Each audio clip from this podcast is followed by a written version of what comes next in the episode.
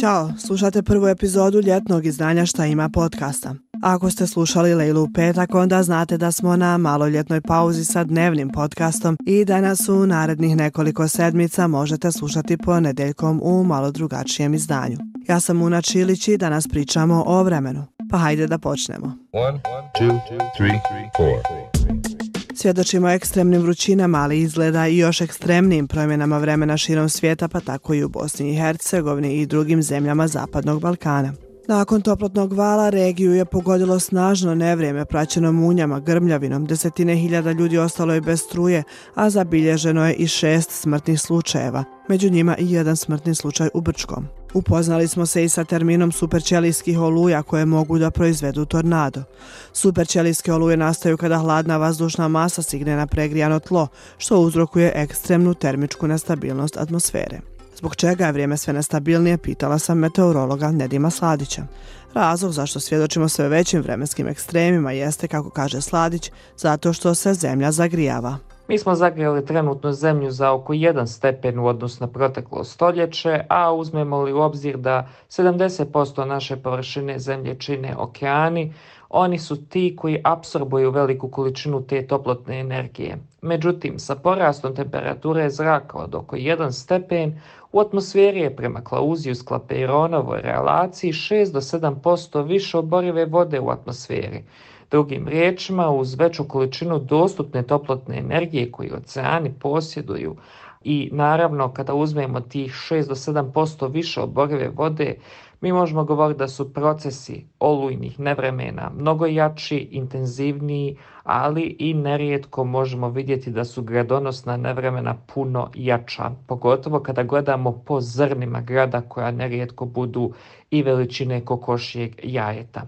Međutim, to je i okidač za ono što govorimo o klimatskim promjenama. Klimatske promjene su evidentne i dešavale su se kroz historiju godinama, odnosno stoljećima. I moramo biti svjesni da će se one intenzivirati ukoliko nastavimo proizvoditi veću količinu CO2. Procjenjuje se da je širom svijeta nešto manje od pola miliona smrtnih slučajeva godišnje uzrokovano prekomjernom toplinom, pokazala je studija iz 2021. godine. Ljeto prošle godine u Evropi bilo je najtoplije do sada zabilježeno i uzrokovalo je hiljadama smrtnih slučajeva, a strahuje se da bi se to moglo ponoviti i ove sezone.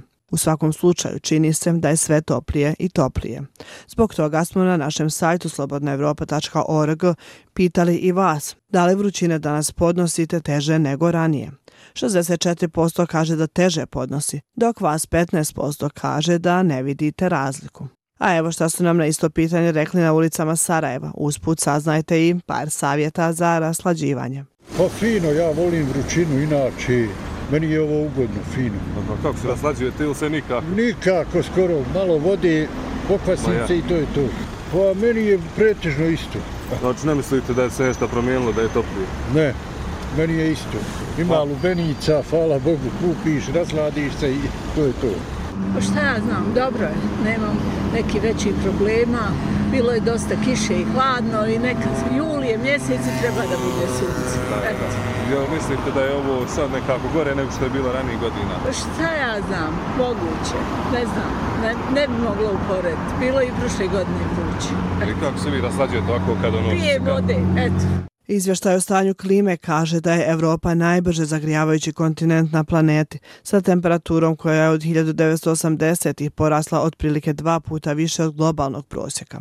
Direktor službe za klimatske promjene programa Kopernikus, dr. Carlo Buentempo, kaže da se ovo ne može smatrati jednokratnom pojavom. Zato sam Nedima Sladića pitala da li će ljeta biti sve toplija i toplija. Upravo činjenica da imate a, dosta a, toplotne energije i da projekcije pokazuju da područje Mediterana je podložno a, sušnim periodima u budućnosti, za očekivati da će toplija ljeta biti standard za područje Balkana, Mediterana, a to uključuje i Bosnu i Hercegovinu. Međutim, u tim izolovanim slučajevima u jedno od deset ljeta pojavit će se i ono slično 2014. godini u nekoj modificiranoj verziji, ali svakako budimo svjesni da će ljeta postajati sve toplija i toplija. Širom svijeta situacija je slična kao i na Zapadnom Balkanu. U klizištu izazvanom kišama na zapadu Indije poginulo je 10 osoba. U Grčkoj je zaustavljen veliki požar zapadno od Atine, ali se strahuje od nove runde ekstremnog vremena. Rizik od požara visok je i u Španiji, Italiji i Grčkoj. One, two, three,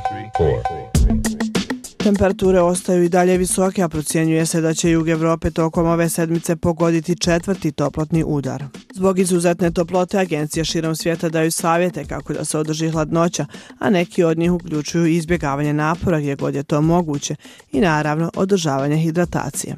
Znači pijte vodu, izbjegavajte direktno sunce i ako ste poput mene nigdje ne idite bez 50 plus zaštitnog faktora. Čuvajte se i čujemo se u naredni ponedjeljak, već znate gdje i kada. Ćao!